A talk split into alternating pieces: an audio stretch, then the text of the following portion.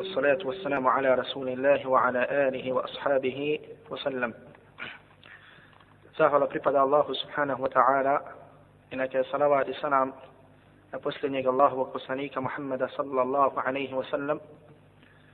Kaže uzvišeni Allah subhanahu wa ta'ala u svojoj plemenitoj knjizi يا أيها الذين آمنوا اتقوا الله حق تقاته ولا تموتن إلا وأنتم مسلمون ovi koji vjerujete, bojite se Allaha subhanahu wa ta'ala istinskom bogobojaznošću i nemojte umirati osim kao pravi muslimani. Allah subhanahu wa ta'ala molimo da nas učini od onih koji ga se boje istinskom bogobojaznošću i da umremo kao pravi muslimani. A zatim, draga moje braće i cijenine sestre, jeli, tema našeg današnjeg predavanja i izlaganja je odgoj na Kur'anu i sunnetu. Odnosno, kako da čovjek postane od onih koji, tako da kažemo, u svakom dijelu svog života je pokoran onome što dolazi u Allahu subhanahu wa ta'ala knjizi i sunnetu Allahu poslanika sallallahu alaihi wa sallam. I zato kada kažemo islamski odgoj ili odgoj na Kur'anu i sunnetu, mi sati mislimo da naša omladina bude odgojena islamski, da kažemo u svim sferama svog života. Znači ne tako da kažemo, na primjer, da u jednom dijelu budemo muslimani, a da u drugom dijelu budemo pravi džahili. Ili da jedan dio Kur'ana i sunneta prihvatamo, a da drugi odbijamo. I zato ćemo pokušati ovdje da iznesemo ono iz čega ćemo vidjeti kolika je obaveza i kolika je važnost da se trudimo da budemo od oni koji će potpuno odgojiti svoje duše na Kur'anu i sunnetu Allahu poslanika sallallahu alaihi wa sallam. A to normalno ovome govorimo zato što smo vidjeli u Kur'anu i sunnetu Allahu poslanika sallallahu alaihi wa sallam toliko ajeta i toliko hadisa koji nam upućuju na to da će čovjek ama baš za svaku stvar svog života biti, pri, biti pitan pred Allahom subhanahu wa ta'ala. Pa nam tako prenosi imam At-Tabarani u svom dijelu Al-Mu'jam Al-Awsat od Sahl ibn Sa'da As-Sa'idi radijallahu ta'ala anhu da Allahu poslanik sallallahu alaihi wa sallam rekao جاء جبريل فقال يا محمد عش ما شئت فإنك ميت واعمل ما شئت فإنك مجزي به وأحب من شئت فإنك مفارق prenosi imam At-Tabarani u svom dijelu Mu'đamu al-Awsat od Sahl ibn Sada al-Sa'idi radijallahu ta'ala anhu da Allah poslanik sallallahu alaihi wa sallam rekao došao mi je Džibril jel došao melek Džibril sa objavom međutim u ovom slučaju objava sunneta. jer Džibril alaihi salatu wasalam je dolazio poslaniku sallallahu alaihi wasallam kako sa Kur'anom tako isto sa sunnetom i došao mu je ovdje i rekao o Muhammede živi koliko hoćeš ali ćeš biti majit Živi koliko hoćeš ili kako hoćeš, ali znaj da ćeš umrijeti. I radi šta hoćeš, ali znaj da ćeš zato biti šta? Nagrađen. Misli se ili nagrađen ili kažnjen. I voli koga hoćeš, ali zna i da ćeš ga napustiti. Jer znamo šta? Da čovjek koliko god svoju stvar, koliko god svoje srce bude vezao za neku stvar od ovog dunjaluka, šta? Da će je napustiti. Kada tada? I zato nam je zabilježio ima muslim u svom sahihu od Enes ibn Malika radijallahu ta'ala anhu da Allahu poslanih sallallahu alaihi wa sallam rekao jetba'u l-mejjita salas fa jarđu wa ibqa wahid jetba'uhu ahluhu wa maluhu wa amaluhu fa ahluhu wa maluhu wa ibqa amaluhu da je poslanik sallallahu alaihi wasallam rekao, mejita prate tri stvari. Prati ga njegova porodica, njegov imetak i njegova djela. Pa se kaže, vrate dvije stvari, a ostane sa njim u kaburu jedna stvar. Vrati se njegova porodica i ostane njegov imetak, međutim sa njim u kaburu ostaje šta? Ostaje njegova djela. Zatim ono također, draga braćo i cijenine sestre, što nam upućuje na to, za koje stvari ćemo biti pitani, i kako čovjek treba da na dunjalu koji ima odnos prema Kur'anu i sunnetu i koliko svoju dušu da odgaja na te dvije stvari, upućuje hadis koji je zabilježio imam At-Tirmizi u svom sudanu od Uqbe ibn Amira radijallahu ta'ala anhu, da se obratio Allahom poslaniku sallallahu alaihi wa sallam i rekao, ja Rasulallah men neđatu. Ovaj ashab koji se zove Uqbe ibn Amir, kao pravi musliman, kao onaj koji hoće da nauči uputu i kako da odgoji svoju dušu, obraća se Allahom poslaniku sallallahu alaihi wasallam i kaže mu, ja Rasulallah men neđat, o Allahu poslaniće, u čemu je spas. To jeste uputi me na one stvari koje će mi biti od spasa na gdje i na dunjalu i na ahiretu. Pa kaže poslanik sallallahu alaihi wasallam, amsik alejke lisanek, walnijasa'ke bejtek, wabki ala fati'atik. Poslanik sallallahu alaihi wasallam ga ovdje znači upućiva na neke od stvari u kojima će biti tako Bog da njegov spas. Pa kaže amsik ili u rivajetu amlik alejke lisanek. Kaže čuvaj dobro svoj jezik. Čuvaj dobro šta svoj jezik. Wal yasa'ka baytak. I neka ti tvoja kuća bude dovoljna. Misli se ovdje, ko što se kaže u komentaru hadisa, da čovjek jedno vri, što više vremena provodi u samoći. To jeste da ima vremena u svom danu i u svom vremenu kada će provesti u samoći sam sa sobom. I zato kaže imam Ahmed rahmetullahi alejhi da je svaki hajre dolazi od onda kada se čovjek bude osamljivo sa samim sobom. To jeste da čovjek malo se osami pa da razmisli o svojim djelima, da vidi da li negdje treba više, da li negdje treba manje i tako dalje kada u pitanju njegov odnos prema ahiretu. I dalje poslanik sallallahu alaihi wa sallam kaže وَبْكِ عَلَى خَطِئَتِكَ i, i plaći radi svoje greške. To jeste onda, ako učiniš neki grijeh od uslova za tu taubu, za to pokajanje, treba da bude nešto što se zove en nedam. Znači ono kajanje. Međutim, ne kajanje u smislu taube, nego kajanje da čovjek duboko u svojoj duši nađe i osjeti kajanje za ono što je učinio. Znači ne samo tako da kažem, eh, ja sam učinio sam to i to, eh, pokajao sam se na brzinu i to je tauba ispravna. Ne. Ko što kaže islamski učinjaci, tri stvari treba da, su, da se nađu po čovjekove taube. Jedna od tih stvari jeste ono duboko kajanje u njegovoj duši za ono što je uradio. I kada se to nađe u čovjeku, onda će čvrsto, čvrsto odlučiti da se nikada više neće vratiti tom grihu ovaj hadis je vjerodostan ko što kaže šeha Albani rahmetullahi alejhi drugi. Zatim on hadisa koji nam draga braća također na ovo upućuju jeste hadis koji je zabilježio jedan veliki islamski učenjak Nasr ibn Ibrahim al-Maqdisi rahmetullahi alejhi u svom dijelu al-Hujja. Imam Nawawi za ovaj hadis kaže da je vjerodostan, mada po pitanju ovog sanada postoji govor, međutim mi ćemo ga za svaki slučaj navesti, a to je da Allahu poslani sallallahu alaihi wa sallam kaže la yu'minu ahadukum hatta yakuna hawahu taba'an lima ji'tu bihi. Da poslanik sallallahu alaihi wa sallam kaže nitko od vas neće biti pravi vjernik sve dok njegove strasti ne budu slijedile ono sa čim sam ja došao. Znači u ovom hadisu vidimo šta? Da Allahu poslanik sallallahu alaihi wasallam od nas kao vjernika ne traži samo tako da kažemo ono naše pokoravanje u jednoj vanštini. Nijekom slučaju nego traži da to pokoravanje, koliko mi u našoj vanjštini, tako da kažemo smo muslimani, i koliko trebamo da budemo, a što smo vidjeli šta iz ovih hadisa, toliko poslanik sallallahu alaihi wa sallam traži od nas da naše duše budu pokorne.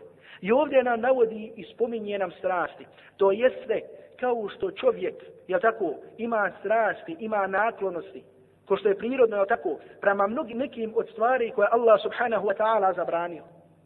Tako treba da ima strast prema onome što mu dolazi od Kur'ana i sunnata Allahu poslanika sallallahu alaihi wa sallam. Znači kada nešto čini, nema da to čini preko volje, ili da kažemo ovako ili onako, ne, nego da to čini i srcem i dušom. Znači da bude potpuna pokornost u onim stvarima što se traži od njega. I zato, draga braćo, kada govorimo o ome, možemo da spominjemo dosta, dosta ibadeta, tako da kažemo, koje čovjek čini, međutim, možda ne osjeti potpunu sva tog ibadeta. Da ne kažemo, na primjer, ovdje da počnemo govoriti o namazu. Jer znamo šta? Da je od osnovnih uslova za spas čovjeka na dunjalku, na hiratu šta namaz. Jer Allah subhanahu wa ta'ala, na primjer, kada opisiva vjernike i kada govori kako će biti sa njima i ko su ti koji, će, koji su uspjeli, kaže kad aflahal mu'minun, uspjeli su vjernici. Allazina hum fi salatihim khashi'un. Oni koji su svojim namazima skrušeni. Međutim, ovdje vidimo šta da je uspjeh čovjeka. Znači, nije samo u njegovom obavljanju namaza, nego da to njegovo obavljanje namaza bude sa skrušenošću. I zato da kažemo da svaki čovjek upita sebe. Jel tako? Da počnemo. Koliko puta čovjek nekako tako da kažemo ob, obavi namaz, tvanja ovaj ili onaj namaz. Međutim, da Allah oprosti, jel tako čovjek jedva čeka da to šta sklepa, da završi Allah imanet. Znači, nema tako da kažem, ah, da čovjek baš ono bude, da kaže, eh, baš mi je sad ovaj namaz, da mi to bude rahatno. Ko što je poslanik sallallahu alaihi wa sallam rekao tako hadis koji je zabilježio imam Ahmed u svom musnadu hadisu vjerodostojan, da poslanik sallallahu alaihi wa sallam kaže وَجُعِلَتْ قُرَّةُ عَيْنِ فِي الصَّلَاةِ A kaže sreća, moja sreća je učinjena u namazu. Prethodno poslanik sallallahu alaihi wa sallam kaže šta? Da mi od dunjaluka drago, hubbibe ilaje min dunjakum salas. Kaže od dunjaluka, od dunjaluka su mi drage tri stvari.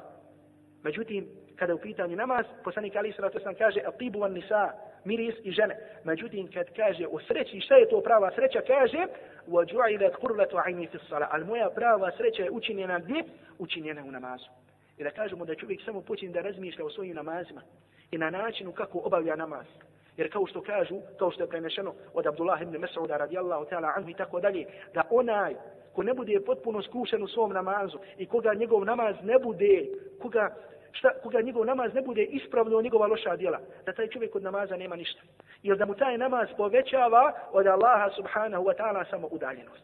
Znači namaz koji čovjek obavlja, međutim ne utiče na njega, šta?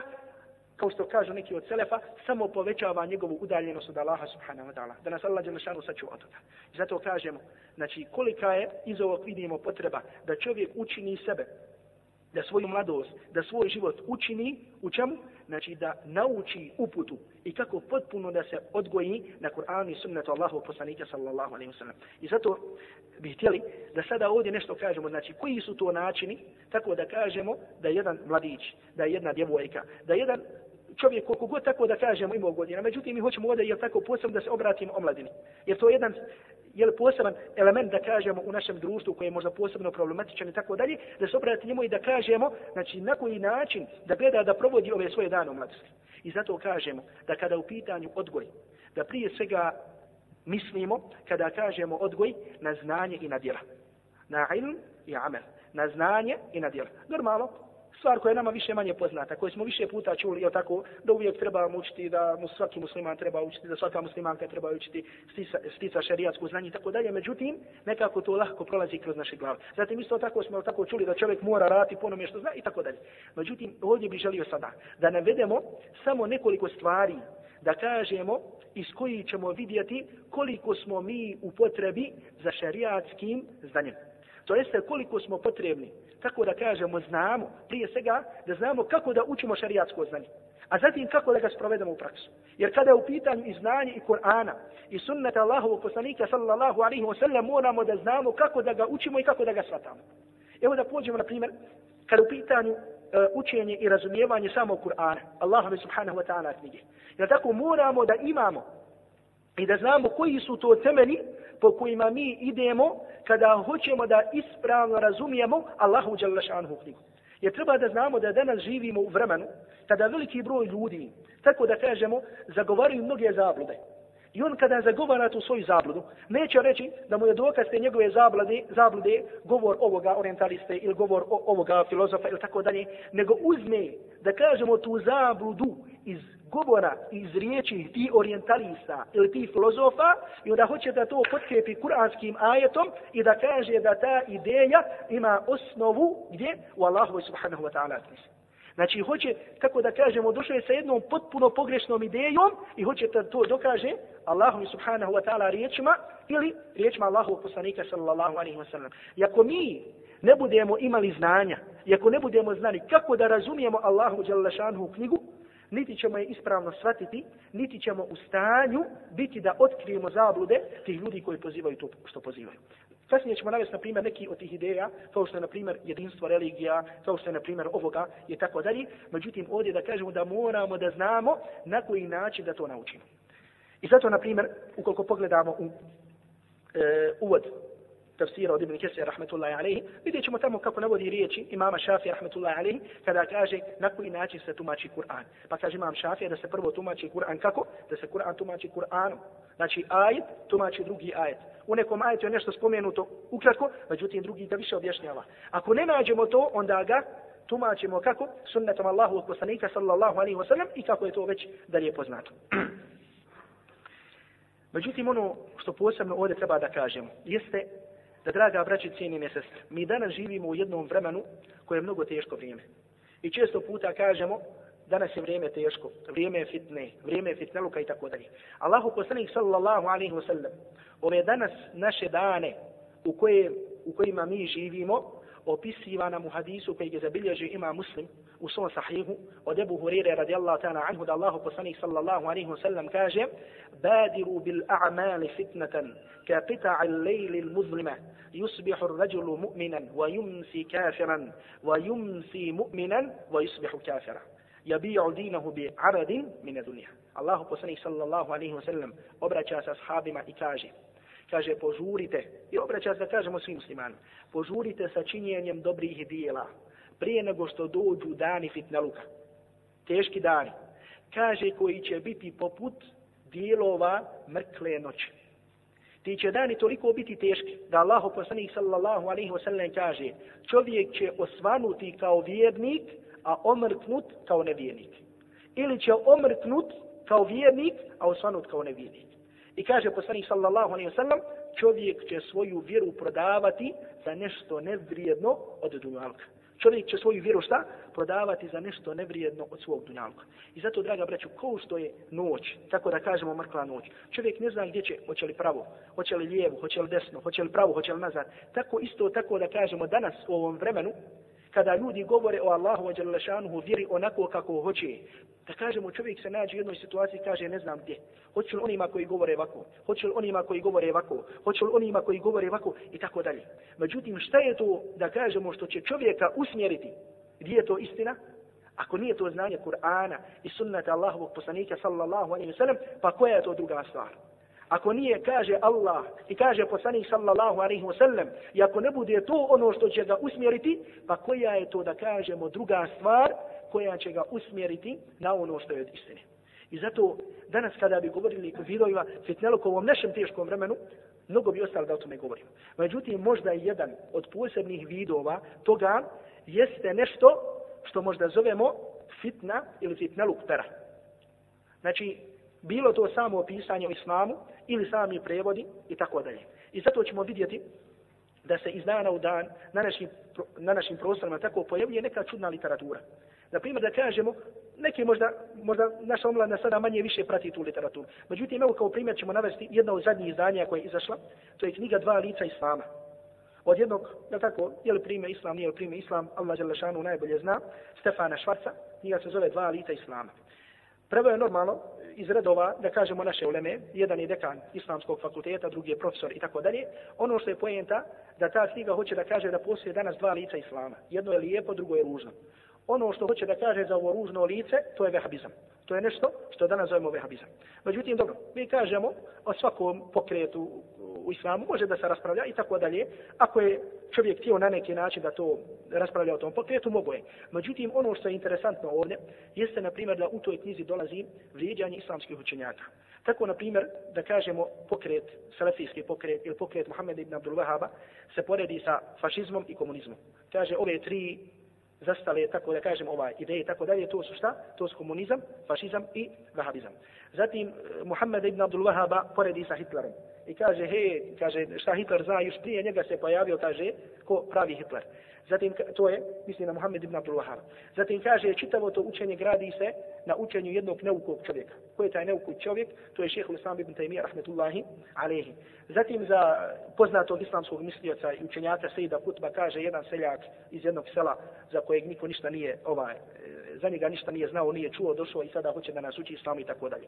Međutim, mi kažemo, manje više to je napisano čovjek sa zapada, ili musliman, ili čafir, ne znam, Međutim, ono što je poenta, da to dolazi u prevodu naših ljudi i da na jedno jedno jedino mjesto gdje se spominje i na taj način grdno spominje ta ulema, da niko od njih nije popratio ni sa jednom jedinom riječu da kaže da se na taj način ne može govoriti o našim velikanima, našim učenjacima, pa tako da kažemo koji god pravca da vije. Da kažemo pogotovo, ako ćemo uzeti raniju ulemu, ili na primjer šehehu Islama ibn Taymiyu, rahmatullahi alaihi, za kojeg imam Az-Zahabi, rahmatullahi alaihi, kaže, kaže, kada bi se zakleo kod makama, misli se kod Mekamu Ibrahima, jel kad bi došao kod Kabe, i kaže kada bi se zakleo da moje oko, da oko, govori općenito, da oko nikada nije vidilo slično njemu, niti da on nikada nije vidio sličnog sebi, kaže ne bi trebao da učinim, šta? Kefaret. Ne bi prekršio svoj zaklet. Ako veliki i poznati historičar i hafiz hadisa kaže to za ovog velikog islamskog učenjaka, zar onda jedna institucija, tako da kažemo, naša vjerska ne bi bila, ne bi trebala da brani, na primjer, ako se taj čovjek naziva naukim, ako se naziva ovako, ako se naziva ovako i tako dalje. I zato vidimo, međutim, ovo se, da kažemo, plasira među ljude, jedno od velikih izdanja i tako dalje i normalno većina da kažemo ljudi da sve to ovaj šuti niko da se ovaj obrati bilo da kažemo iz redova naših magistara, naših doktora, naših profesora i tako dalje. Poenta je znači da živimo u jednom vremenu fitnaluka kada da kažemo ljudima se na sva načina, na sve načine nudi ono što možda nije u stvari od same Allahu dželle šanu vjeri. I zato draga braćo, draga omladino, znači iz ovog vidimo kolika je naša potreba da šta? Da se vratimo onim, da kažemo, tradicionalnim dokazima. Kada se govori o čemu? Kada se govori o obavezi traženja znanja.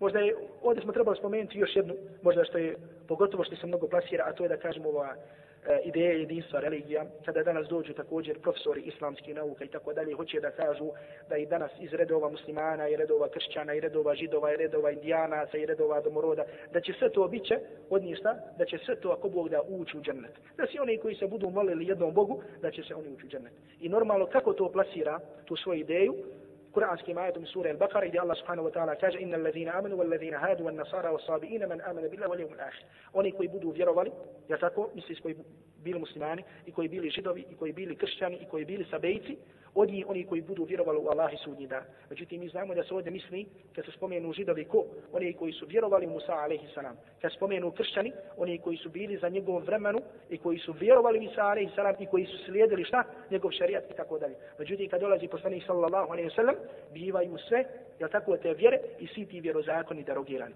Međutim, da kažemo danas, u našem vremenu hoće da se kaže kako iz redova današnjih kršćana, iz redova današnjih židova ima oni šta koji će ući u džennet i da onaj koji budu slijedili tu vjeru, da su oni na pravom putu. I da kažemo da logička pravila nas upućuju na to, da nema zaplike da kažemo da onda čovjek danas obavi džumu namaz u petak, da nedeljom ode na misu, da kažemo isti jedan čovjek da se i tamo pomoli Bogu i da se ode pomoli Bogu i da se u sinagogi pomoli Bogu i tako da kažemo.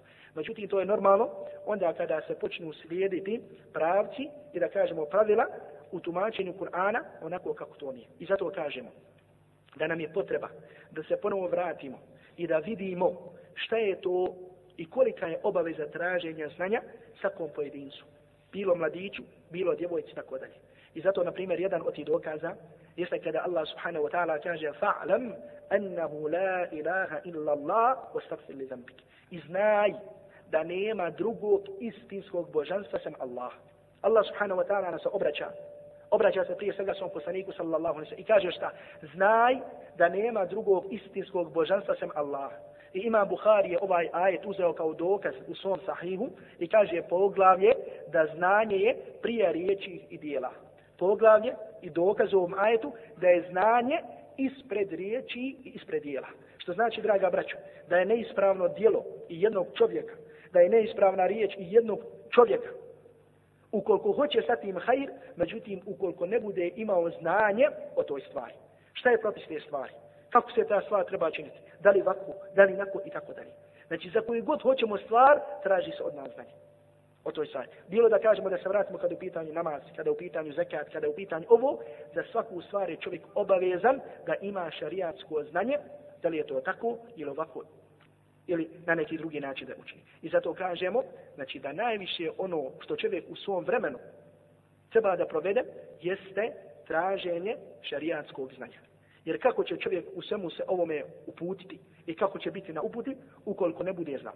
Zatim, na primjer, ono što bi također ovdje želio da spomenem, a to je da mi, znači da kažemo naša islamska omladina i naša, naše islamske mase, kada ne budu imali ono što će im pružati, tako da kažemo, lah, lahak dolazak znanja, ili da kažemo kada ne budu kod sebe imali znanje, da će se desiti, da kažemo, velike kontradikcije, kontradiktornosti u njihovim životima. Tako, na primjer, vidjet ćemo nekoga tvrdi da je musliman. Voli, tako da kažemo, islam. Međutim, čitav njegov život je ispunjen nečega što Allah subhanahu wa ta'ala nije dozvolio. Prije nekoliko dana slušao sam tako jedno predavanje gdje se spominje jedna pjevačica, jedna poznata arapska pjevačica, koja je, tako, čitav svoj život provala u čemu? U haramu, pjevanjima, zavodeću, mladim, tako dalje. I ona kaže, kaže, ja nikada, kaže, ne izađem na binu. Nikada ne, ne izađem na scenu da pjevam, a kaže da ne proučim ajetul kursiju, da ne proučim kulhu vallahu, da ne proučim ovo, da ne proučim ovo i tako dalje. Subhanallah. Znači da kažemo to čini, međutim i to kada čini, čini kako? Čini sa bismillom. I uči ajetul kursiju, i uči ovu suru, i uči, uči možda ovu dobu i tako dalje. Ili, na primjer, što mi priča jedan student, kaže, sada sam se, jeli, zadnji put, kaže, kada se vraćao iz Kajra, i kaže, sio sam u avion, i kaže, do mene jedan Arab, kaže musliman, i meni kaže, kaže, znaš li putnu dobu? Kurim ja njemu znam, kaže, evo ja tebi nekolike dobe putne, kaže, one su dobre da se prouče. I kaže, on me dao, kaže, kad tamo na putna doba. I on mašala, kaže, uči, uči te se dove. Kaže, kad je došla s adresa, da nam servira šta će, kaže, njemu traži alkohol. Znači, hoće da mu se alkohol donese i šta? Da to pije na svom putu. Međutim, prije toga je šta? Proučio ovu dovu, proučio ovu dovu i tako dalje. Međutim, kažemo šta je ovdje problem? Normalno, u određenim situacijama se des, dešava da su problem strasti. Međutim, mi kažemo, kod većine našeg naroda, problem je u znanju. Odnosno, ili da kažemo neznanju. Problem ovdje se dešava u znanju ili neznanju. I zato danas, nažalost, vidimo da kažemo, na primjer, neke naše sestre, alhamdulillah, Allah jalla šanu im se smilovo, tako da kažemo da su stavile hijab. I, jel tako, mnogo, mnogo su učinili veliko hajra za sebe i za druge, zato što su stavili sami taj hijab. Ne nego u ovom vremenu kažemo, u ovom vremenu fitalu, kada kažemo svaka žena koja se imalo pristojnije nosi, inša Allah i ta'ala da se nada da unio veliki hajr. Međutim, na primjer, ja se sjećam, dok smo mi bili u medresi, normalno, je tako, u našoj medresi dole bili pomiješani muški i ženski. I subhanallah, neke djevojke koje su ono, što mi rekli, zastalno pokrivene, subhanallah, čitavo tako da kažemo, to, e, te godine školovanja, mora redovno da se čita horoskop, na primjer. E, redovno se da kažemo donosu, donose posteri, da kažemo brat Pitt, e, ovaj, onaj glumac. Subhanallah, pokrivena djevojka, svoj život hoće što da usmjeri islam. Međutim, pored svega toga, što zadivljena je tim glumcima, tim pjevačima i tako dalje, koji u osnovi nikako, tako nemaju nikakve veze sa, šta? Nemaju veze sa islamom. I zato, subhanallah, ideš, jel tako gledaš, kada vidiš, subhanallah, međutim, u glavi, došlo je do nekog, je tako, spoja. Znači, zar jedna djevojka koja je odrekla se toliko od ovog dunjaluka, e, pokrila se onako kako Allah subhanahu wa ta'ala traži, zar može biti od oni, tako da kažem, koji nosa e, te, te postere, koje čita horoskope, prati redovno ove serije, sluša ove pivačice i tako dalje. Zar nije to vezanje srca za nekog za kojeg je poslanik sallallahu alaihi wa sallam nas obavijesio da su šta? Da su stanovnici džahennama. I zar jedan onaj koji hoće da ide putem dženneta, zar može da svoje srce veže za neko koji ide putem džennama? Zar je to moguće tako, zar je to zdrava logika kod jednog običnog čovjeka, a da ne kažemo pogotovo kod jednog, tako da kažemo vjernika ili da kažemo kod jedne vjernice? Normalno, da to nije zdrava logika.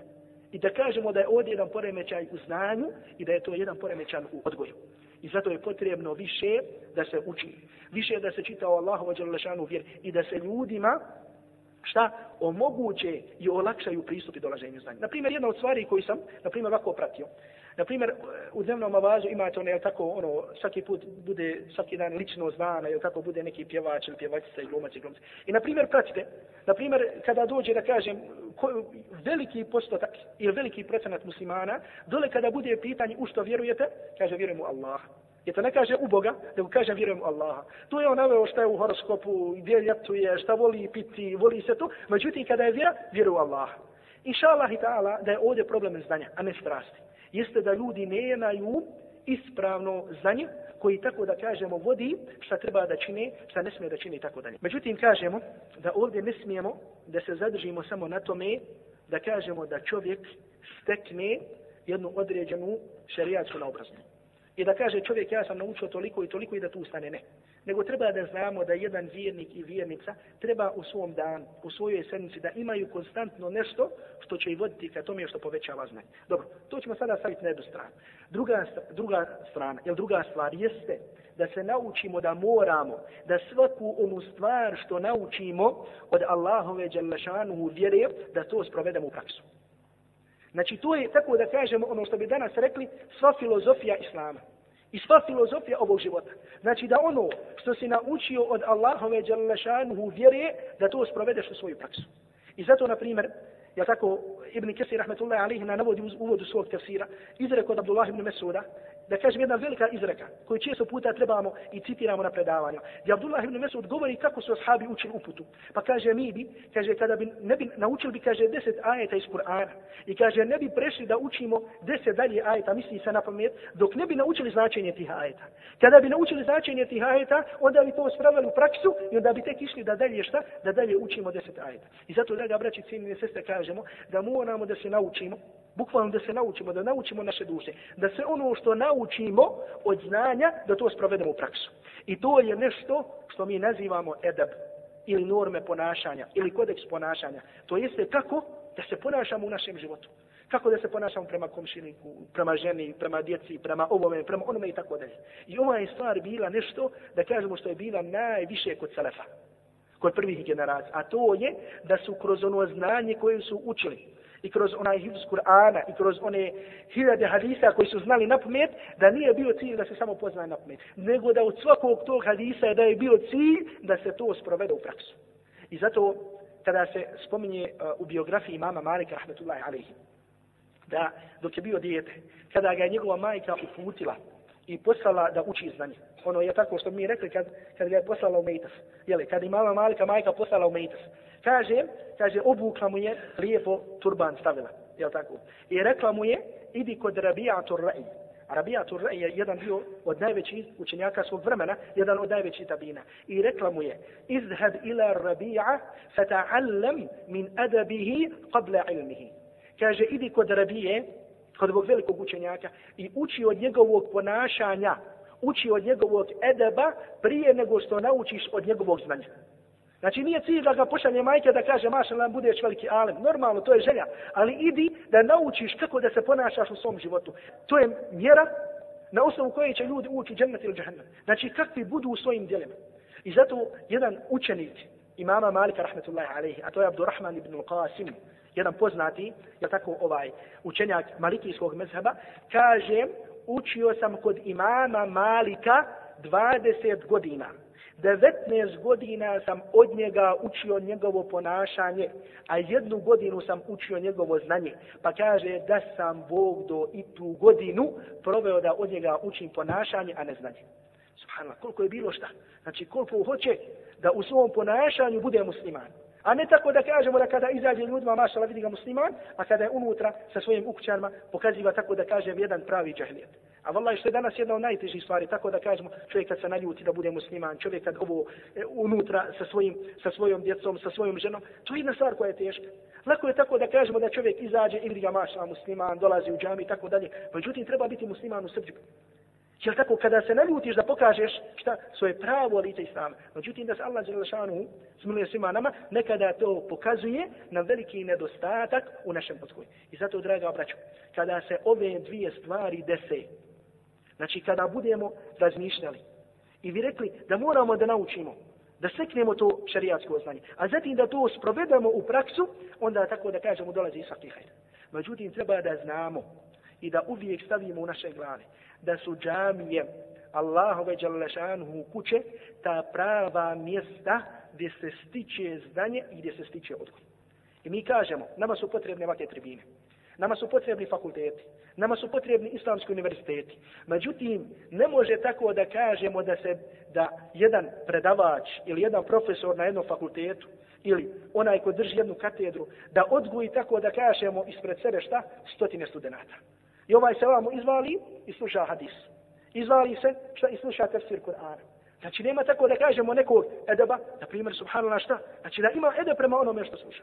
I zato, na primjer, ima Malik, rahmetullahi alihi, nikada nije tijelo da jaše, znači da popne se na jahalcu, bilo na koni, bilo na djevu, dok je bio u Medini. Znači, zbog čega? Kaže, kaže, kako ću ja jahati onde gdje, kaže, stajalo gdje je stajalo stopalo Allahu poslanika sallallahu alaihi wa sallam. Ili kaže, nikada nije citirao ni jedan jedini hadis, a da prethodno nije usto, da nije uzao abdest i onda tek da citira hadis. Radi čega? Radi poštivanja, ispoštivanja prema Allahu poslaniku sallallahu alaihi wa. Što znači poštivanje prema ilmu, prema znanju, prema tako dalje. Znači nema da mi poštujemo ovog ili ovog čovjeka radi toga što on ta i taj, nego poštujemo radi znanja koje ima i radi onoga što se govori. I zato, draga braćo, zato danas, nažalost, vidimo da onda kada je prestalo znanje da se stiče, da kažemo iz halki, iz onoga što nazivamo halki. Znači da imamo tu predavač, ima šejih i da komentariše ovu knjigu, da komentariše ovu knjigu. Tako da kažemo, nastaja, nas, došla nam je ulema ili došlo je generacija uleme kako je došlo. I tako da kažemo, kako će jedan profesor odgajati pred sobom tolike stotine studenta. I nije, tako da kažemo, čudo što, des, što se dešavaju i neke žalosti, što nažalost moramo da reknemo što je naša stvarnost, na primjer kada su pitanju veliki, veliki broj studenta koji studiraju islamske nauke.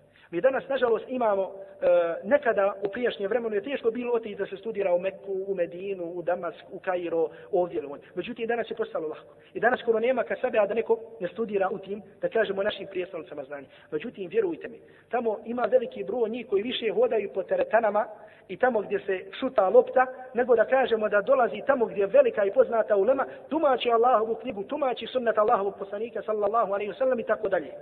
Ili, na primjer, ja jedan put vraćam se, jel sa studija dole i kažem jedan ti prijatelj iz razreda, s tobom završio medresu, bio na televiziji. Ja kontam, maša Allah, hajib, držao čovjek drs.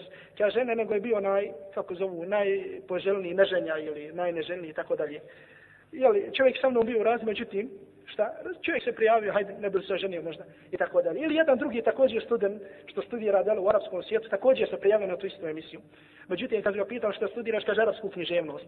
Razumiješ, mislio malo da ono, čovjek studira šarijat, jer fik pravo, međutim kaže, hajde, da malo bude manja sramota, kaže, studiram arapsku književnost. I da kažemo, da li je takvi, da kažemo, normalno, ovi su možda više pobrkali lončiće, nego oni prvi što smo možda spominjali. Ali kažemo, zar od takvih ljudi možemo nadat se, da kažemo, e, da oni tumačeći Allahu Đelešanu vjeru, da može da dođe neki napredak. Da kažemo, čovjek ako prvo sebe nije odgojio na osnovnim stvarima, ako prvo čovjek nije odgojio sebe na ibadetu, e, na namazu, na spominjanju Allaha subhanahu wa ta'ala, na učenju Kur'ana i tako dalje, kako će odgajati mase iza sebe? I zato, na primjer, mi dosta imamo lijepih primjera ovdje na našim prostorima bilo to i Sarajeva, bilo i drugi mjesta, ljudi, uleme, imama, subhanallah, koji su prije svega svojim ličnim životom, svojim ibadetom, pokazali da kažemo kako jedan čovjek treba da bude. Ja se zaboravio sam sada, Muharrem Efendi Omrdić jedne prilike na jednom predavanju, spominjao jednog od imama Begove džamije, mislim da je jedan od eh, imama koji se zvao Sabri Hafizović, ne sjećam se dovoljno, zaboravio sam, sa prinom što sam došao, tražio sam tu kasetu da ponovo poslušam, međutim nisam uspio da nađem. Taj Hafiz, taj imam, kad je obavio jedne prilike hađi umru, klanio je dva rekata kod Kabe, pred Kabom, na dva, dva rekata na kojima je proučio čitav Kur'an na noćnom namazu. Znači čovjek sa naših prostora. Normalno kažemo ovo je stvar koja je bila prisutna kod Selefa. Međutim, prije ne tako dano bila je prisutna i ovdje kod nas. Mi se možda čudimo ovim stvarima. Međutim, ko smo mi da se čudimo? Gdje su, tako da kažemo, naši ibadeti? U odnosu na ibadeti ljudi, tako da kažemo, da, nije to moguće da se desi. Subhanallah, ima Allah vi šanhu robova, da kažemo ili je bilo, koji su toliki bili u ibadetu. Ili, na primjer, ovdje jedan od poznati e, sarajevski hafiza, Ibrahim Efendija Trebinjac. Čovjek koji je 12 godina samo akšam i jaci uklanio, e, čovjek koji je 12 puta proučio hatmu na akšamu jaci. Znači ono tako imamo, teravije se klanjaju hatmom, međutim također nekad su neki hafizi, klanjaju su kako i ove druge namaze hatmom, na primjer klanja akšam i jacu i uči Kur'an po redu, danas stranca na jednom rekatu, na drugom druga, na jaci stranca i po, na drugom stranca i tako dalje, i tako uvijek se završavala hatma. Ibrahim Efendija Trebinjac je 12 puta proučio hatmu tako samo na akšamu i jaci. Pa to su bile stvari da kažemo, to su bili ljudi koji su učili, koji da kažemo, koji su bili primjeri. Ili možda da kažemo primjer Mehmed Efendi Hanđića, rahmetullahi alaihi, koji je bio poznat po mnogim predavanjima koje je držao u Sarajevu.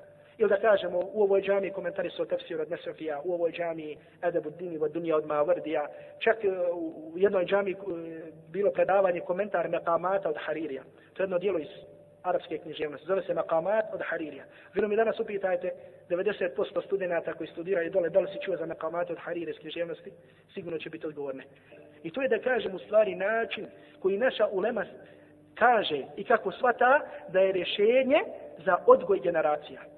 Kako? Znači da normalno, potrebna su nam tribine, potrebna su nam predavanja, potrebni su nam časopisi. Međutim, ne možemo mi odgojiti naše duše na Kur'anu i sunnatu ako sjedimo i popijemo neretvu kafe govoreći i rešavajući islamske probleme i probleme umeta. Mora da se sjedne na koljena. Ovo pominje pogotovo za našu omladinu, našu braću i naše sestre. Da pravi islamski odgoj dolazi onda kada na koljena sjednemo, da, Upravo nekoliko što je došlo u hadisu Džibrila. Kada je Džibril alaihi sallam došao poslanika alaihi salatu sallam da podući o islamu, i ihsanu. Sve se kaže u hadisu. Fa esneda rukbetejhi ila rukbetejhi. Pa kaže stavio svoja koljena kod njegovih koljena. Džibril alaihi sallam dolazi na koljena sjeda pred poslanika sallallahu alaihi sallam. Znači tako skrušeno, tako ponizno. I kaže šta je islam, šta je iman, šta je ihsan da nas poduči kako mi sa jednoj skrušenošću i sa ponižnošću treba da tražimo ovo znanje. A kroz to odmah šta sebe odgajamo. Kada je poslanik alaih salatu wasalam, kada upućuje nekoga na hajr, Kaže mu šta, ide u džami i traži hajr. Ko se došlo u hadisu koji je zabilježi ima muslim, također od Ukbe ibn Amira, radi Allah ta'ala anhu, da je Allah poslanik sallallahu alaihi wa sallam rekao, ejukum yuhibbu an jagduva ila buthana au ila al-aqiq, fa ja'tija binaqatejni kuma vajni. Da poslanik Ali salatu wasalam jedne se prilike obratio ashabima i kaže, ko bi od vas volio da ode u buthan ili aqiq, to su bila je tako dva prijedjela, ne tako daleko od Medine, kaže ko bi od vas volio da ode, e, od vas volio da ode na ta mjesta i da otamo dođe sa dvije debele deve. Al tako kod Arapa su deve bile najveće bogatstvo. Znači na primjer kad bi tebi sad neko rekao odeš dole na primjer malo dalje od Sarajeva, odeš na primjer u Hadžiće i čekate mnogo novca da auto. Samo odeš tamo, doćeraš ga i postalo je tvoje. Hoćeš da ga daš kao sadaku ili ovo ili ono i tako dalje, možda uradiš šta uradiš. I poslanik Ali Salatu alejhi da kaže poredi ovo koristi ovo poređenje I kaže sahabi Allahovog poslanika, alaihi salatu sallam, ja Rasulallah, kulluna nuhibbu zalik, o Allahov poslaniće, svi, ti, svi mi to volimo. Znači ima li čovjeka da kaže među nama, koji ne bi volio sada da ode malo ili tako dalje i da ga čeka nešto što je besplatno. Da kažemo 100 maraka ili 150 ili 200, a ne tako neko veliko bogatstvo. Pa kaže poslanik sallallahu alaihi wasallam, a jagdu afala jagdu ahadukum ila al-masjidi, fa ja'lamu au jakrau ajatajni, khairun lahu min. أو ثلاث خير له من ثلاث أو أربع خير له من أربع ومثل من أعدادهن kaže da neko od pa je poslanik ali salatu sam kaže da ode u mesdžid u džamiju i kaže da prouči ili da nauči dva ajeta iz Allahove knjige bolje mu je nego dvije deve. Tri ajeta nego tri deve četiri ajeta nego četiri deve i tako dalje. Evo jednog velikog hajra koji tako da kažemo može da ostvarimo. I zato draga braćo mi kažemo da šerijatsko znanje Nije samo obaveza oni koji hoće da budu, tako da kažemo, koji su pisali fakultet islamskih nauka ili su predijeli da odu negdje vani da studiraju tako dalje. Ni u kom slučaju. Mi ne kažemo da je islamsko znanje, ako neko završi, da je tako da kažemo ta, i taj fakultet. Ne. Nego islamsko znanje i alim je onaj ko ima znanje. I zato, na primjer, vidjet ćemo danas, na primjer, od poznate uleme, na primjer, čujemo da je poznati šeh i tako dalje, međutim, nije završio šariatski fakultet. Na primjer, čovjek je možda doktor hemije ili je doktor eh, medicine. Međutim, pored svega toga je veliki iskusan islamski učenjak, tako da je zbog čega? Zato što je svoje znanje i svoj odgoj stekao u mesđidu, stekao u džami tamo gdje se nudilo znanje. I zato sigurno treba da znamo. Znači da ono, ako hoćemo, a moramo, I ne smijemo ni u kom slučaju da budemo omladina, niti mladinići, niti djevojke koje će izaći sa nekim slabostima u svom islamu. Ne smijemo da izađemo kao oni koji će, da kažemo, drugima govoriti o islamu, međutim ljudi će biti uzrok da oni napuste islam. Primjer, da, svojim ahlakom da kažemo. Da čovjek nekada svojim ahlakom bude uzrok da ljudi pobjegnu od islama. Istina je ko što čovjek ima nagradu ako njegovim sebebom primi neko islam, tako isto ima kaznu ukoliko neko svojim sebebom odbije islam. I uvijek ova stvar treba da bude u našim glavama, našoj braći, našim sestrama. Znači da smo mi ti, prije svega kojim našim dijelima govorimo, znači o islamu. Znači ne treba ništa da govorimo, da kažemo riječima, nego tvoja dijela neka budu ti koji će govoriti. I mi smo jedne prilike spominjali e, na nekim predavanjima, čak i ovdje u Sarajevu, nekoj braći, ovaj, jedan primjer, istin, da kažemo, živi primjer koji se nedavno desio u Londonu. Da jedan islamski daja, bili daja imam u jednom mjesečidu, međutim bio obučen od prilike ovako imao kapicu, malo brade i tako dalje, ušao u jedan taksi, žurlo mu se na posao, da stigne na vakat ili možda na predavanje i tako dalje. I kada je ušao u taksi, je tako čovjek ga je dobačio do mjesta gdje treba da ga dobaci.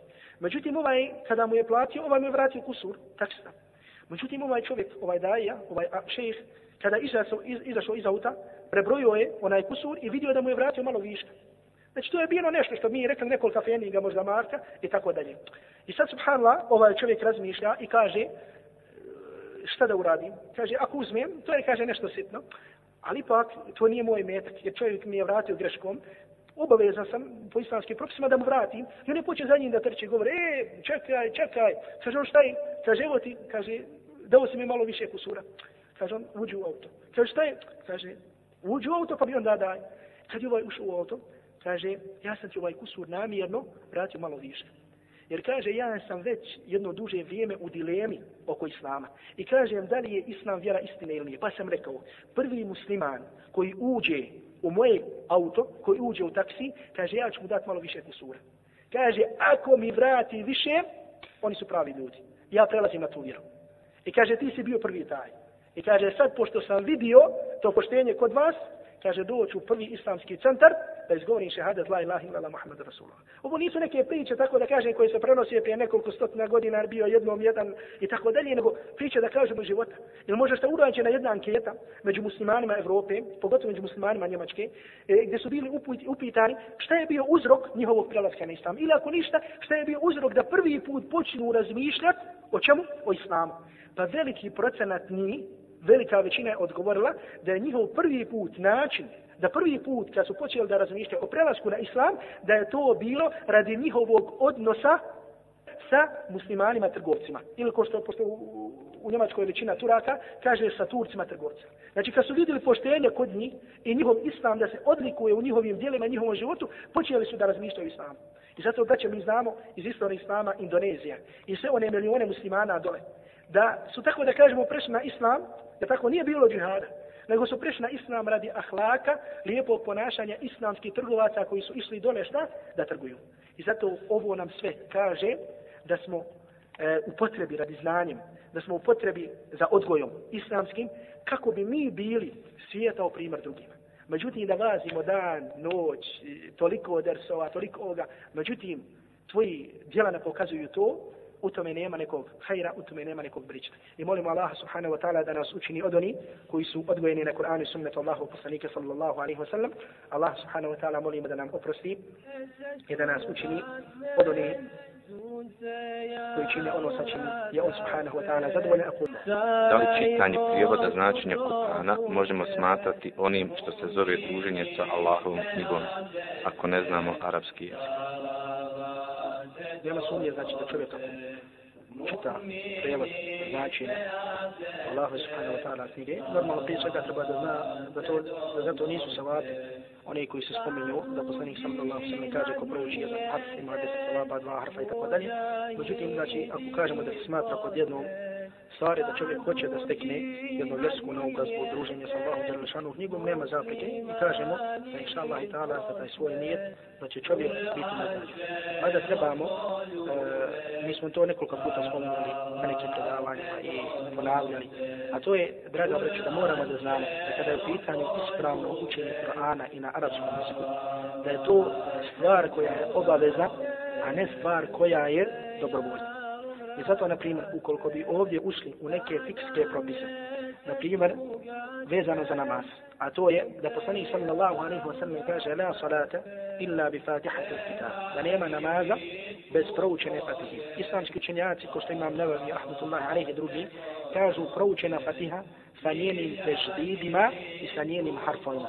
I kaže se, ako bi čovjek izostavio jedan tešdid u fatihi ili jedan harf zamijenio drugim harfom, kažu fatiha je neispravna, a što znači da je čitav namaz neispravan. I ovo je stav sa četiri mezheba.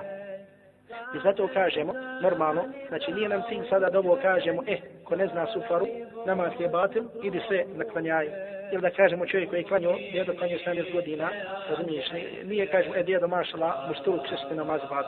Nego kažemo ovdje, čovjek ako nije znao ili imao gdje da nauči, jedna druga stvar, međutim mi koji znamo da ovaj propis svaki, obavezni smo da uložimo sav napor prije svega da steknemo, tak, kad, kada upitam, na primjer, konkretno, ovo šerijatsko znanje. Znači da naučimo ispravno učiti Kur'an. Na primjer, u Hanefijskom mezebu su još stroži. Oni kažu, ako bi čovjek zamijenio harf harfom, na primjer, mimo Fatihe, proučio Fatihu ispravno, međutim, pogrešu na toj suri, kažu, nama se to ne ispravno. I zato kažemo da je obaveza, znači, jedan mladić, jedan djevojka, da što prije nađu nekoga ko će ga podučiti arapskom pismu. A kažemo, pogotovo, na primjer, koliko to pomaže čovjeku, jednom mladiću, jednom djevojci, kada se konstantno i svaki dan druže sa Allahom za Zar mislimo, na primjer, da danas ova teška vremena, možemo prebroditi i čim, ili da kažemo da i možemo prebroditi ukoliko ne budemo učili Allahom Đelešanu. Ja bih želio samo malo ovdje s ove stvari dotakni kada je u pitanju. Na primjer, danas, iz dana u dan idemo ulicama gdje je golotinja sve više i više. Je tako? I desi se da nekada tako da kaže možda jedna naša sestra koja je pokrivena kaže subhanallah kako Allah dželle lešanu ovima dao da uživaju. Da kažemo javi se ono nešto u čovjekovom srcu. Kako Allah dželle lešanu dao ovim ženama da uživaju, a vidi mene, razumiješ li, razdvojim se pod hijabom i tako dalje. Ili neka šeita nabaci.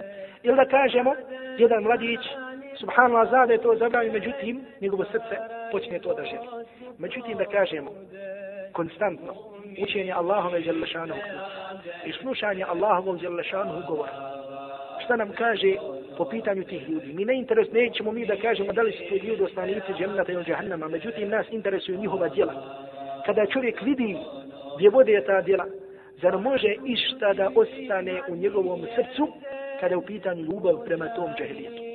Na primjer, ja, skoro nema predavanja sada, a da ne spomenemo ovaj hadis, kojeg zabilješ imam Bukhari u svom sahihu od Samura ibn Džunduba, radijallahu ta'ala anhu, gdje poslanik sallallahu alaihi wa sallam opisiva dijela, opisiva stanja neka ahiretska.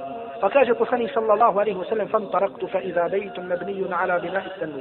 Kaže poslanik sallallahu alaihi wa sallam, pa sam nastavio da ide. Pa kaže, pa sam vidio jednu građevinu koja je izgrađena poput jedne šerpe, prilike tako kaže poslanik Ali Sallam. A'lahu dajik wa asfaluhu vasum. Kaže vrh te građevine je uzak, a dno te građevine je široko. Wa fihi rijalun wa nisa'un urati. A u toj građevini se nalaze muškarci i žene gole. Goli bez odjeće. Kaže wa tahtahu narun yuqad. A kaže ispod toga je vatra razbuktana. Fa iza uqidat irtafa'u hatta kadu yakhruju. Kaže kada se podpali ta vatra, oni toliko, kaže, skaču, šta samo što ne izađu gore, međutim ne mogu da izađu, zbog čega? Zato što je puno, a gore usko. Pa iza uhmidet rađao, kaže, kada se malo usliša ta vatra, oni stavljaju. Ovdje se opisiva način kažnjavanja određenih ljudi na Pa kaže poslanik, pa je poslanik, ali sada sam upitao ko je to, da nas poduči. Pa mu bi rečeno, kila humu zunatu, kaže, to su oni, to su muškarci i žene koji su činili zinatu. Zato, draga braću, kada jedan mladić, jedna djevojka, vidi tu e, razgoličenost, vidi tako pod navodnicima to uživanje, koje nije uživanje, i kad se sjeti samo na koji način će biti kažnjavani oni koji to, to će. Da Allah je lešano oprosti nama i ne treba u našim srcima da se javi oholost da kaže to stanovnici džahnama, ne. Wallah, Allah je lešano se može njima oprostiti, oprostiti smilovati od nekih dijela, a nas kazni. Nego samo da nam padne na pamet da ta dijela, da je tako izvod ti dijela jeste ovo. I zato konstantno druže, na primjer, kad Allah Đelešanu govori o zina aluku Kur'anu i sjećanje na ove hadise, nam čine šta? Da ustajemo na ovom dunjalu. I zato, draga braću, to je potreba šta? Znači, naša obaveza i naša pohvalno druženje sa Allahom Đelešanu knjigom, A kažemo, jel, kao odgovor na pitanje, nema sudnje inšala da je čovjek nagrađen za onaj prevod koji ga čita. Koliko obični vjernik ima pravo uzimati znanje iz dostupne literature bez direktnog nadzora od strane nekog učenog čovjeka? Jer postoji mogućnost da pogrešno nešto protumači, a zatim i po, pogrešno sprovede u praksi. Jeli, mi kažemo da je tradicija muslimana bila od pamti vijek, da kažemo od poslanika sallallahu alaihi wa sallam, pa skoro do ovih naših dana, da islamske mase stiču znanje, pa tako da kažemo tako što djeca, kod djeca pođu u mejtec. I onda kad malo budu viši, idu ono što mi danas zovemo medrese, što zovemo halke, E, što zovemo predavanje i tako dalje. Znači, praksa muslimana i ona isprava način sticanja znanja jeste bio da se uči pred nekim za tako koje je učenje. I da se uči pred alimom i da se uči normalno pred nekim koje je učio šta? Prije toga pre nekim alimom. I zato, na primjer, naćete još uvijek kod nas prisutno, na primjer u Gazinoj biblioteci, kao rukopisno, ono nešto što se zovu pod navodnicima, ili zovu se džazet name. Na primjer, prije kad bi neki talib, kad bi neki učenik otišao bi u Istanbul da uči, on bi tamo mogu da uči mašala jeli, godinama ovliku. Međutim, tek kada bi onaj pred kim je učio, kad je vidio da je on dostigo, tako da kažemo da je naučio, da može da predaje, dao bi mu diplomu da može on da podučaje. Međutim, on bi rekao, ja sam učio pred tim, on je učio pred tim, on je učio pred tim, pa sve do poslanika sallallahu alaihi wasallam. Što znači da mora da bude taj lanac prenosilaca ili da kažemo da mora da se uči pred nekim koji ima to znanje. Jer čovjek nekada može pročitati neki aj, može pročitati neki hadis. Međutim, da to bude derogirano. Jer može pročitati, na primjer, neko mišljenje, a to mišljenje slabo. Ili da pročita ovo, a to nije u stvari tako i tako dalje. Međutim, osnova je da je potrebno da se znanje stiče, da tako na predavanjima, na hafom i tako dalje. Ili, na primjer, da omladina, na primjer, zamoli nekog, da kažemo, na primjer, daju, da kaže, možeš li vam tumačiti tu i tu knjigu. Na primjer, da kažemo, pogotovo, na primjer, naši, naša braća i sestre koji studiraju.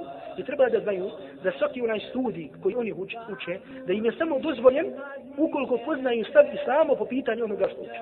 Na primjer, ako ćemo reći da danas neko studira pravo, može studirati pravo i halal mu je ukoliko, na primjer, tako da kažemo, zna šta je propis islama po pitanju onoga što uči. Tako, na primjer, uči bračno pravo, mora da zna propis, propise sama kada je u pitanju bračno pravo, kazneno pravo, ovo pravo i tako dalje. Ako studira medicinu, mora zna da kažemo određene mesele vezano za medicinu, da li je ovo dozvoljeno, da li nije dozvoljeno i tako dalje.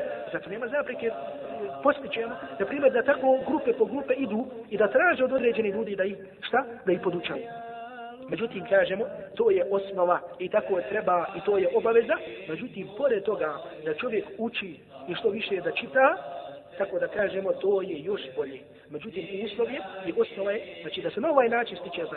A, razumiješ da se onda samo više proširi. Jer tako da kažemo, tako smo mi zatekli od onoga, od onih pred kojima smo učili. I tako uvijek kad pročitaš nešto, dođeš i rekneš, še, našao sam to i to, da li je to u redu, pa on kaže hadis daif, hadis sahih, hadis aku, hadis tak, i tako dalje. Znači, to je stvar koja je potrebna, međutim, također da čovjek uči i da stiče, znači da proširiva, nema nikakve zapreke, međutim, uslov je da u osnovi bude ovakvo traženje znanja. I čak što kažemo, znači da je obaveza i jedna druga i druga stvar da se nađu kod nas. I to predavanje i redovno posjećivanje predavanjima i učenjem pred ljudima, a drugo da svaki dan čitamo što više. A da ne kažemo da ne govorimo to jedan posebno problem što mi mašćini ništa živo ne čitamo. Izlaze knjige, međutim one samo izlaze inače to da, da, kažemo dokaziva se da, da muslimanske mase inače ne čitaju tako da kažemo mnogo. Na primjer, danas nije toliko, na primjer, ta izdavanje knjiga i tako dalje, na primjer, rašinjeno možda u arapskom svijetu koliko je rašinjeno danas na zapadu. Nažalost, da kažemo, to je jedan problem i posebno koji moramo da govorimo koliko naša omladina treba da čita. Na primjer, da se međusobno raspitamo, da pitam, primjer, eh, jesi li pročitao put pravog muslimana? Jesi li pročitao, na primjer, muslima u zbirka? Jesi, na primjer, uzmi, pitaj kreše s ljudi i pogledaj šta će biti povod. Da kažemo, to je jedan poseban problem u kojem moramo. Međutim, kažemo, odgovori da je, znači, pred učenim ljudima se stiče zdanje, a na ovaj način samo to proširi. Da li je zabranjeno haram raditi i metak iz velike želje za dunjalukom, i užicima, a ne isključivo zbog Allahovog zadovoljstva. Propis je da čovjek, ako stiče svoj, e, stiče i metak za nešto što je halal, pa šta god da to bilo, razumiješ da mu je to normalno dozvoljeno, i e, da svako uživanje čovjeka je dozvoljeno ukoliko je to šta? Znači ukoliko je to znači, dozvoljeno Allahu dželle vjerom. I tako da kažemo znači da je prvo osnovna stvar da tako da ono što zarađiva bude na halal način i da to njegovo uživanje bude na halal način. Znači da bude ono što zovemo mubah, što je dozvoljena stvar. Niti je naređena, niti zaprega. Naprimjer da kažemo čovjek ode negdje da se kupa, je tako, normalno, uslov je šta, da ode od para koje zarađuje na halal način. Drugo je da ode na mjesto koje mu halal, gdje nema golotinje, je tako, da kažem ono, da nađe neko mjesto da se kupa. E sad kažemo, to je stvar koja je mubah, E kakav će sad on imati nijet u svemu ovome, to zavisi od njega. Znači, u osnovi ta je stvar dozvoljena. Da čovjek šta? Da to učini. I zato neće biti, inšala i ta'ala, kažnjen. Međutim, ako on hoće nagradu, treba sada ovdje da zanijeti tako da kažemo da ima on nijet koji on misli treba da ima. E, na primjer, tako da kažemo ako ode na more ili negdje da je normalno na halal mjesto da se kupa, ako mu bude nijet malo da se odmori, kako bi kasnije kada se vrati mogu više da kažemo čini badet, više činiti davu i tako dalje, šala i tala da će zato biti šta? Nagrađen. Čovjek da kažemo samo ako jede, znači s kojim nijetom da bude jači kada je u pitanju ovo ili on, šala da je zato nagrađen. Međutim, znači sve dolazi vezano za sami čovjekov nijet. Znači ako je stvar mubah, tako da kažemo, niti će biti nagrađen, niti će kazniti. Ako ima za to nijet, šta? Znači da čini nešto što je haram, normalno, sve što vodi ka haramu i to je haram. Međutim, ako bude imao nijet da čini nešto, je tako što je Allahu Đalešanu zadovoljstva, Allah Đalešanu će te šta za to nagraditi. Na primjer, da kažemo čovjek uzme svoju ženu i familiju, odoje negdje u prirodu, da se odmore, ima sa tim nijet da provede vremena sa svojom familijom, da, je li tako ono, od eh, hadisa i do poslanika, ali sada to sam preporučio dobročinstvo i lijep odnos prema ženi i prema djecu, šalma, da svaku tu stvar, da će ga Allah Đalešanu, inša Allah i ta'ala nagraditi. Kada, je, kada se tek navele, da kažemo prevodi Kur'ana. E, bilo bilo jedno veliko, e, da kažemo velika rasprava kod uleme, da li ikako dozvoljeno prevođenje Kur'ana. Znači, bilo ikakav prevod tako da kažemo da se napiše ono što mi danas zovemo, na primjer, e, prevod Kur'ana, na primjer, prevod tumačenja i tako dalje, bio je veliki broj uleme koji rekao da je to haram. Znači da Kur'an, da ne smije da se prevede. Znači, na primjer, da ne smije da se Kur'an prevede na bosanski jezik. Ne smije da se prevede nešto na turski jezik, na ovaj jezik i tako dalje. Sve da kažemo bilo, ono tek kada su postavi, pojavili se prejevodi, kada se pojavila štampar i tako dalje. Cilj oni koji su to zabranjivali, bilo je da ne dođe do jednog iskrivljavanja Allahove Đelešanu riječ. Zbog čega? Zato što svaki onaj koji prevodi i svaki onaj prevod Kur'ana, to je u stvari komentar Kur'ana. Jer ono mnogim stvarima mora da se vrati na mišljenje Mufasira, da odabere i da u tom kontekstu prevede taj kuranski ajet. I zato se kaže tarđematu ma'anihi, prijevodi značenja Kur'ana. Znači, na jedan način sam komentar.